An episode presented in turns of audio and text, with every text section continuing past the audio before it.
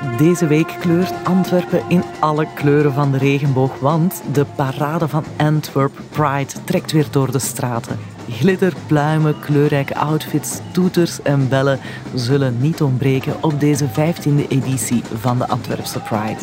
De queer community blikt vooruit. Wat brengen de volgende 15 jaar? Hoe ziet Queertopia eruit? En hoe ver zijn we nog van die ideale queer samenleving? Het is vrijdag 12 augustus. Ik ben Marianne Justaert en dit is vandaag de dagelijkse podcast van de Standaard.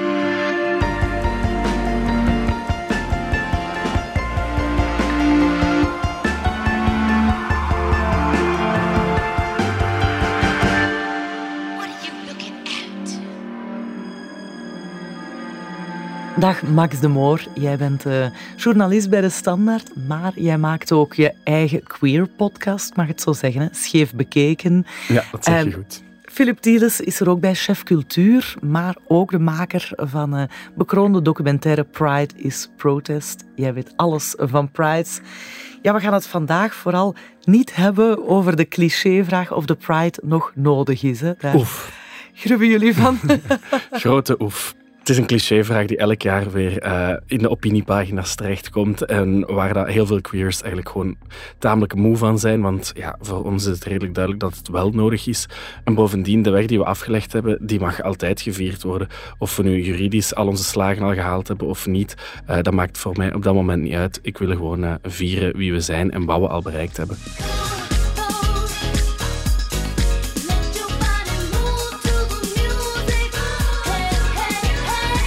Nu, veel mensen die kennen die Pride wel inderdaad als een viering. Een kleurrijke stoet in het teken van de liefde, van verdraagzaamheid. Met heel veel muziek, eh, fantastische ambiance. Is het voornamelijk dat, het vieren, het uitbundige feest? Dat is toch wel een heel belangrijke rol. Hè? Eh, Als je die Antwerp Pride ziet, dat is één grote parade met eh, praalwagens, uitbundige mensen, feest, tientallen afterparties, concerten, festivals. Dus Antwerpen zal op zijn eh, strafst stralen, denk ik, dit weekend. Tegelijk is dat beeld van de Pride als één groot feest, als een parade, ook maar een deel ervan. Wat je in de media ziet, zijn vaak de meest uitbundige foto's van de drag queens, bloot, eh, de leather community. Terwijl in de Pride lopen ook gezinnen mee, ouders van queer kinderen, mensen met politieke spanbordjes die daar slogans roepen. Dus het heeft Ja. ook een activistisch kantje. Het is meer dan wat je alleen maar ziet in de media. En tegelijk denk ik is het ook wel belangrijk dat die uitbundigheid, die kleurrijkheid er wel kan zijn. Ook dat provocatieve karakter van eh, we komen op straat, we tonen onszelf wie we zijn, zo kleurrijk mogelijk, zo extravagant mogelijk als je dat wil. Dus iedereen mag er gewoon zijn. Terwijl vaak ja, op straat durf je soms wel eens een outfit niet aan te doen omdat je bang bent voor de reacties, maar op een Pride kan dat. Ja, oké. maar het is dus wel degelijk meer dan puur vieren, dan puur eh, ja, een stoet waarin je verkleed mag zijn als je wil. Ja, dat is ook meestal de climax van een week, een Pride Week bijvoorbeeld, eh, waar dat er dan allerlei ja, debatten al zijn gevoerd of waar dat er dan ook eh, een kans is voor eh, queer organisaties om eisen te stellen bijvoorbeeld. Dus eigenlijk een, een manier ja, om op dat moment een keer eh, het, het, het momentum te grijpen om samen na te denken hoe zien wij de toekomst, wat willen we nog? Pride is protest, hè? Ja, voilà, de die- titel van jouw docu. Ja. Eigenlijk die discussie, moet het vooral een soort eh, manifestatie zijn of moet het een soort feest-carnavalsstoet zijn? Die gaat al mee sinds het begin van de eerste Prides in België, sinds 1996. Toen CVP-politici zich afvroegen van ja, die carnavalsstoet eh, die de Pride is, zal dat wel de gelijke rechten vooruit helpen en gaat dat mensen niet afstoten? Dus die discussie is er altijd al geweest, die zal er ook nooit weggaan, denk ik. Dat spanningsveld van een Pride als een parade, maar als een protest. Eigenlijk is het gewoon allebei. Ja, nu is het niet zo dat men vroeger de vraag stelde: moet dit wel zo'n pride, gebrek aan kennis of een zekere homofobie zelfs? Terwijl de vraag: moet dat wel zo'n pride nu misschien gesteld is vanuit het idee. We hebben toch alles al bereikt. En dat brengt me naadloos eigenlijk naar het thema van deze 15e Antwerp Pride, Queertopia. Wat is Queertopia? Ik ga het jullie laten uitleggen. Ja, dat is de utopie van queerness. Hoe dat we eigenlijk zouden willen leven, hoe dat we de maatschappij zouden willen zien. Ik denk ook een vraag die iedereen voor zichzelf moet uitmaken, het antwoord erop. Maar eh, in grote lijnen misschien proberen die laag van heteroseksualiteit die je geabsorbeerd hebt, die loslaten en dan kijken wat blijft er Oké. Het is een prikkelende oefening die de Antwerp Pride wil doen. Ze bestaan 15 jaar en hun idee, Queertopia, hoe ziet de ideale wereld voor queers er in 2037 uit? Dus over 15 jaar. Daar wordt dan over gedebatteerd en daar, eh, ja, daar ben ik heel benieuwd hoe dat die ideale wereld, zo'n paradijs voor queers, hoe, hoe kan dat er dan Ja. uitzien? En wil jij dan toch nog één keer eh, ook queers zelf definiëren om eens te kijken over wie praten we dan allemaal? Ja, dat is zo'n koepelterm. Ehm, Ja. Veel mensen vragen zich af, wat houdt dat in? Een mogelijke definitie kan zijn, iedereen die zich niet thuis voelt in de cisgender, heteronormatieve eh, maatschappij, omdat die persoon trans of non-binair of genderfluide is, of omdat die gay, lesbisch, biseksueel is, of intersex of asexueel. Alles wat niet in die klassieke gender- en hetero-norm past, eh, daar wordt die koepelterm queer ook wel voor gebruikt. Maar ik vind het ook een interessante term, omdat queer ook een soort verzet, rebellie tegen de normen, de regels, de vastgeroeste patronen in zich heeft. Dus als je queer bent, dan daag je een beetje die norm uit. En dat is wel spannend, vind ik. Oké, ja, ja, absoluut.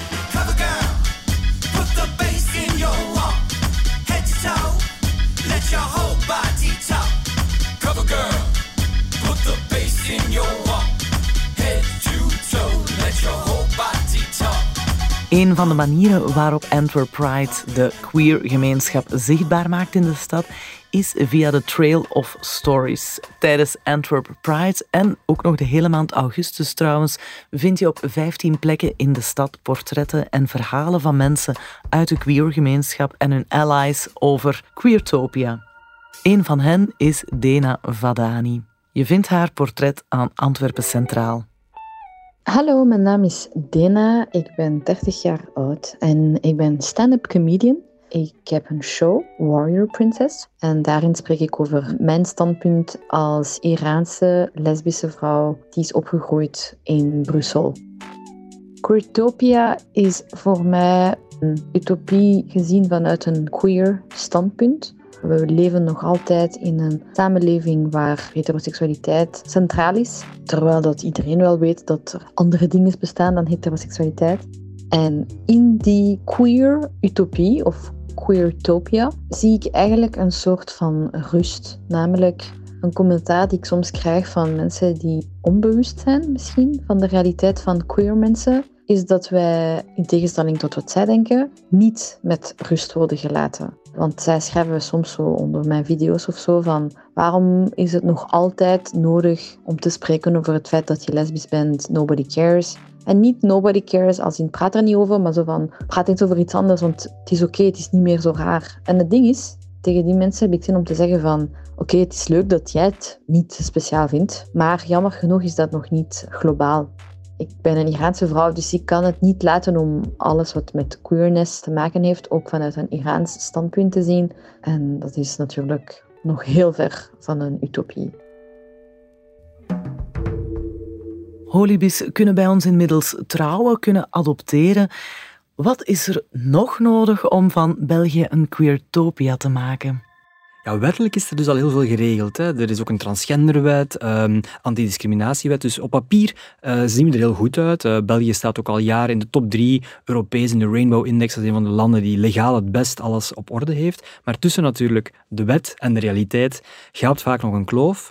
Al heb ik toch ook wel de bedenking, als je gewoon al kijkt het voorbije decennium, er is zoveel ten positieve veranderd. Er is een veel grotere zichtbaarheid van LGBT-personen in films, in de media, op straat. Het is niet meer zo een vreemd fenomeen, iemand die homo is of die trans is. Dus enorme zichtbaarheid verbeterd. En ook de tolerantie, de solidariteit is ook wel echt gestegen. Hè. Er zijn onderzoeken die dat dan aantonen dat steeds minder mensen tegen het homohuwelijk zijn. Of steeds minder mensen vinden dat homo's geen kinderen mogen adopteren. Die zijn er nog steeds, hè, dus we zijn er nog altijd niet. Maar de, de tolerantie stijgt. Dus.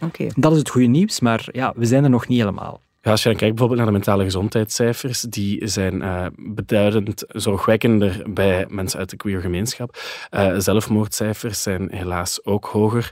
Ook bijvoorbeeld in actualiteit momenteel, als je ziet die ongemakkelijkheid die er heerst over bijvoorbeeld het apenpokkenvirus, dat ja, de homogemeenschap disproportioneel hard treft. Die angst voor stigmatisering, die laat wel zien dat het uh, niet allemaal neutraal is. dat er toch echt nog wel ongemakkelijkheid bestaat binnen de samenleving. Bovendien ook, ja, is nog altijd een gegeven. Afgelopen weekend is er nog iemand in Brussel in elkaar geslagen, waar het nog niet 100% zeker is wat omstandigheden zijn, maar het lijkt er wel sterk op dat het een geval van queerbashing is. Uh, en in de afgelopen tijd zijn er nog wel een aantal voorbeelden geweest. Maar het zit soms ook op kleiner niveau, hè, zogenaamde microagressies. Iemand die vraagt, ah, ik, had, ik had niet gedacht dat je homo zou zijn. Of, ah, je bent biseksueel, maar dat is maar een fase zeker. Hè. Zo, dat soort kleine, misschien goed bedoelde opmerkingen, waar toch vaak nog een stereotype in zit. Eh, Zo scheve blikken, of als je op straat wandelt, dat je zo wat nagekeken of nagefloten wordt. Eh, Ik denk zeker wie niet in die traditionele genderhokjes valt. Een man die zich wat vrouwelijker kleedt bijvoorbeeld, of een vrouw die zich wat mannelijker kleedt. Ik denk dat zij eh, sneller nageroepen zullen worden Ja. of met die blikken te maken zullen krijgen. Dus nog niet voor iedereen in die hele regenbooggemeenschap is dat veilige utopia er. Kijk ook hoe dat we soms lesbische vrouwen of een koppel vaak geseksualiseerd wordt. Ook veel mensen die, als ze uit de kast komen, door hun familie of vrienden niet geaccepteerd worden. Of soms nog altijd het huis uit moeten. Dat is vaak in gezinnen met een religieuze achtergrond. Of uit een cultuur waar homoseksualiteit of transgender zijn niet zo geaccepteerd is. Dus nog niet voor iedereen is dat ideale wereld eh, er, dat queertopia. Ja, en wie trouwens werkt met kinderen, die zal ook merken dat eh, homo nog altijd een veelgebruikt scheldwoord is. Ja, veel leerkrachten zeggen dat. Hè.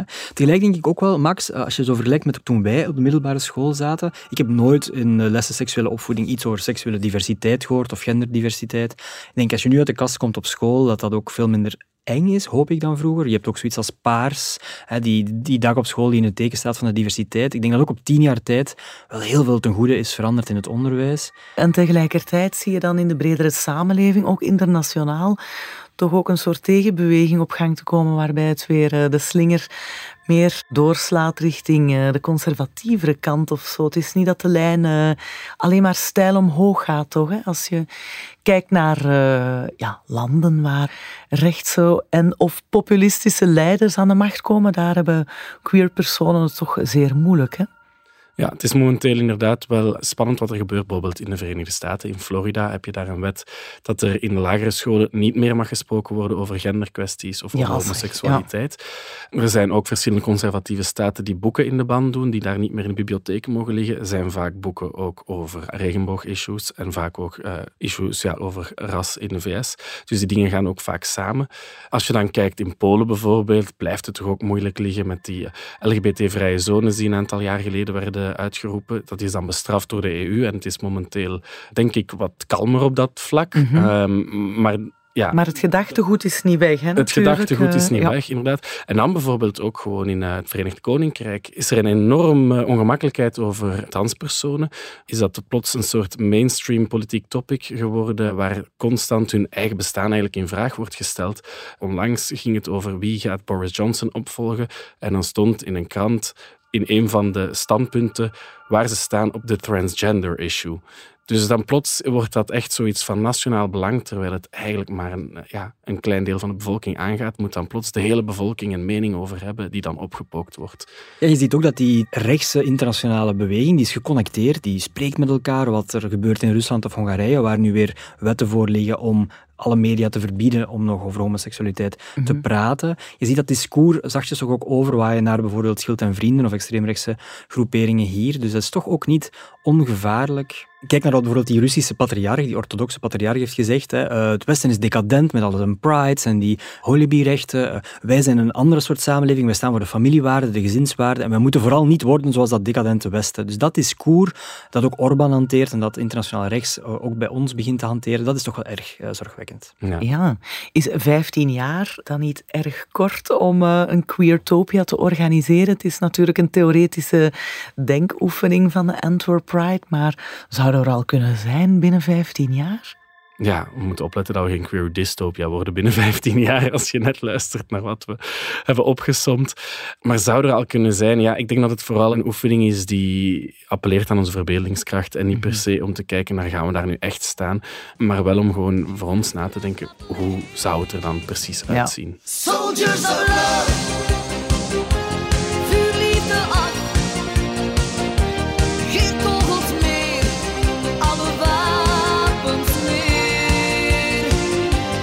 Dan hoor ik jullie zeggen, wetten zijn één ding, maar je hebt natuurlijk ook de praktijk of de mentaliteit. Daar moet toch ook nog een en ander eh, gebeuren. Hè? Daar moet nog wat voortschrijdend inzicht komen.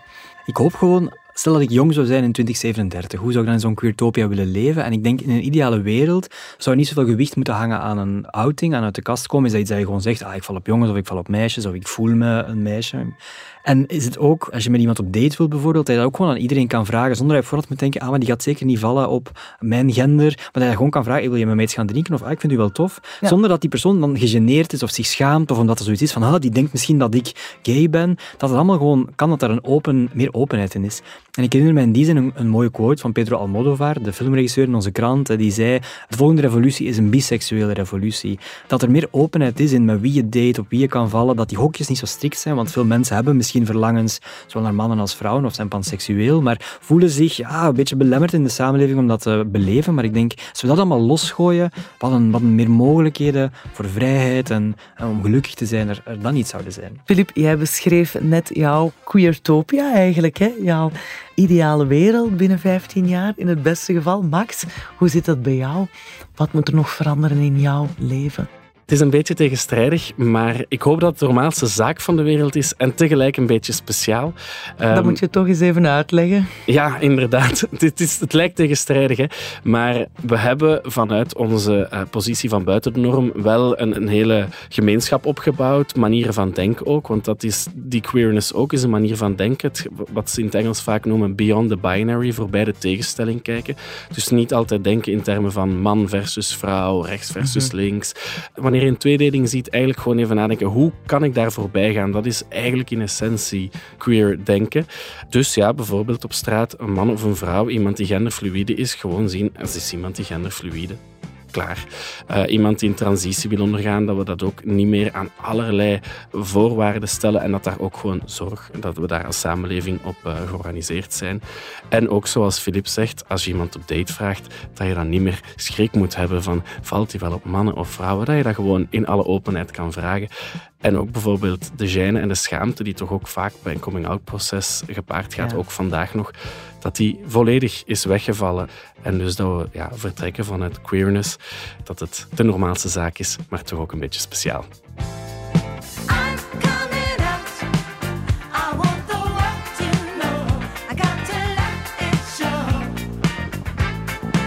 En hoe kunnen dan Pride, zoals de Antwerp Pride, helpen om eh, zo'n queertopia te bereiken? Ja, zo'n Pride is altijd een momentum. Hè. Kijk, we maken nu al deze podcast naar aanleiding van die Pride, dus het is een momentum om het erover te hebben.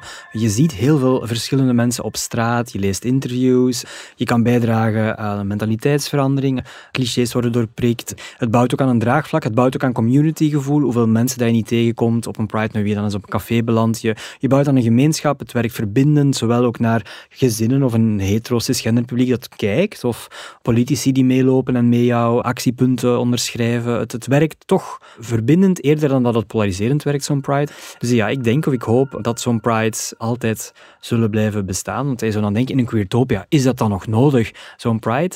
Ja. Eh, veel mensen hopen misschien van op een dag is dat allemaal niet meer nodig, dat flamboyant gedoe in de straat. Maar ik denk dat er altijd prides zullen zijn, net om, wat Max ook al zei, zelfs als die gelijke rechten er zijn. Het is ook gewoon leuk, het is een moment om, van verbinding, om elkaar samen op die straat te gaan, zichtbaar te zijn in de wereld. Dus ik denk dat eh, we nog heel lang naar prides eh, zullen kunnen gaan. Voilà. En om te vieren hoeft er niet altijd een eis te zijn. Hè? Ja, ik denk dat een Pride is een moment om ook een utopia te verbeelden. Eh, het is een van de zeldzame momenten dat we als queers ergens in de meerderheid zijn. En dat is echt wel een speciaal gevoel. De eerste keer dat ik naar een Pride ben geweest was in Amsterdam. En ik dacht, ja, we zullen eens gaan kijken. En ik kreeg het daar wel warm van, om ineens iedereen samen te zien. Inderdaad, dat gevoel van verbondenheid. Ja, dat was speciaal. En ik had me daar eigenlijk niet aan verwacht dat ik daardoor zo geraakt zou worden. En is het nog nodig, of, of zelfs als we al onze rechten hebben... Pride voor mij wil ook zeggen trots zijn op de weg die ik heb afgelegd. Trots zijn op het feit van ik heb dit allemaal wel voor mezelf een plek gegeven en ik heb er allemaal geen issues meer mee of zo. En ik denk dat we dat ook collectief kunnen doen. Dus kijken naar vroeger was er nog veel intolerantie en dit en dat. Maar kijk wat we toch allemaal samen door samen te komen eh, bereikt hebben. En dan ja, ga je gewoon altijd kunnen blijven vieren. We gaan er even uit voor een korte boodschap. Ondernemen. Het start altijd met een idee. Ik ben Alexander van Urban Harvest en ik heb destijds Olivier gebeld omdat ik eh, dacht dat er wel iets te doen was met eh, mijn vertical farming. Eh, ik ben Olivier, ik kreeg gewoon een telefoontje van hem. Ah, zeg, wilt je boer worden? Acteur Matthijs F. Schepers sprak met vijf starters die duurzaamheid hoog in het vaandel dragen. Benieuwd hoe Alexander, Olivier en de anderen hun ideeën hebben waargemaakt? Ontdek De Waarmakers, een podcast van Proximus. Proximus. Think possible. Wat staat er behalve de parade nog allemaal te gebeuren op de Antwerp Pride? Ja, heel veel festiviteiten. Hè. Er is ook het Antwerp Queer Arts Festival met kunst en films en performances in de studio, in galerijen. Voor wie het wat rustiger aan wil doen. Pride in Town op eh, Sint-Andriesplaats, dat is met spoken word. Er zijn natuurlijk tientallen feestjes voor elke doelgroep eh, wat wils. Festivals, optredens. En er is ook een Trail of Stories, een, een parcours in de stad met foto's en verhalen van mensen, zoals bijvoorbeeld Dena Vadani. Een Pride Village op het Theaterplein. En eh, zo kan ik nog even doorgaan. Heel Antwerpen wordt één groot stadsfestival. Zo ziet de organisator eh, van de Pride het, Bart Abeel. Die zegt, ja, we nemen Antwerpen in. Het wordt een stadsfestival. Onze aanwezigheid zal niet ongemerkt voorbij gaan. Oké, het is waarschijnlijk eh, een overbodige vraag, maar gaan jullie er zelf naartoe, naar de Pride? Ik ben in Brussel en Amsterdam al geweest. Ik moet nog even kijken of het dit weekend ook nog gaat lukken. Maar eh, zaterdag heb ik nog geen plannen. Dus hopelijk, eh, zeker het Queer Arts Festival, wil ik wel, wel iets van meepikken. Ja, ik ga wel gaan, ja. Ik ben ook heel benieuwd. Ik ben er één keer geweest voor corona. Dus het is de eerste editie in drie jaar. Ik denk dat er een enorme knaldrang gaat zijn bij iedereen. Ze verwachten blijkbaar ook een recordopkomst tot 150.000 mensen. Ook het mooie weer zal wel bijdragen. Dus ik denk dat dat wel een eh, evenement gaat zijn. Oké. En jij zei het al even, ik ben in Brussel geweest. De Antwerp Pride is niet de enige Pride in België. We hebben ook in Brussel een Pride, de Belgian Pride heet die. Ja, wat is dan precies het verschil? Ja, in Brussel is misschien de nationale Pride, die is ook gelinkt aan de IDAHOT, dat is internationale dag tegen homofobie en transgenderfobie, is in mei, dus net als de Brussels Pride, dus in dezelfde week. Je zou kunnen zeggen dat het iets een politiekere Pride is. Daar is ook altijd een soort eisenplatform met dan tien eisen die door Savaria en uh, Franstalige en Brusselse tegenhanger worden gesteld, ook aan de politiek. Die gaat al sinds 1996 door, bestaat dus al meer dan 25 jaar. En uh, ja, is, uh, zoals je de nationale feestdag en de Vlaamse feestdag hebt, zou je kunnen zeggen dat de Antwerp Pride dan een soort andere Pride. Antwerpen zet zich daarmee ook op de kaart als LGBT-vriendelijke stad. En Bart Abeel ziet het, de organisator van Antwerp Pride, als een stadsfestival. Dus je zou kunnen zeggen, de Antwerp Pride is echt feest, vieren, parade, tonen wie we zijn. De Brussels, de Belgian Pride in Brussel is misschien een tikje politieker. We gaan zien morgen hoe de Koekerstad overspoeld wordt door allemaal queers en queer sympathisanten natuurlijk. Max de Moor, Philip Tienes, Happy Prides. En heel erg bedankt om hier te zijn. Je bent een echte ally.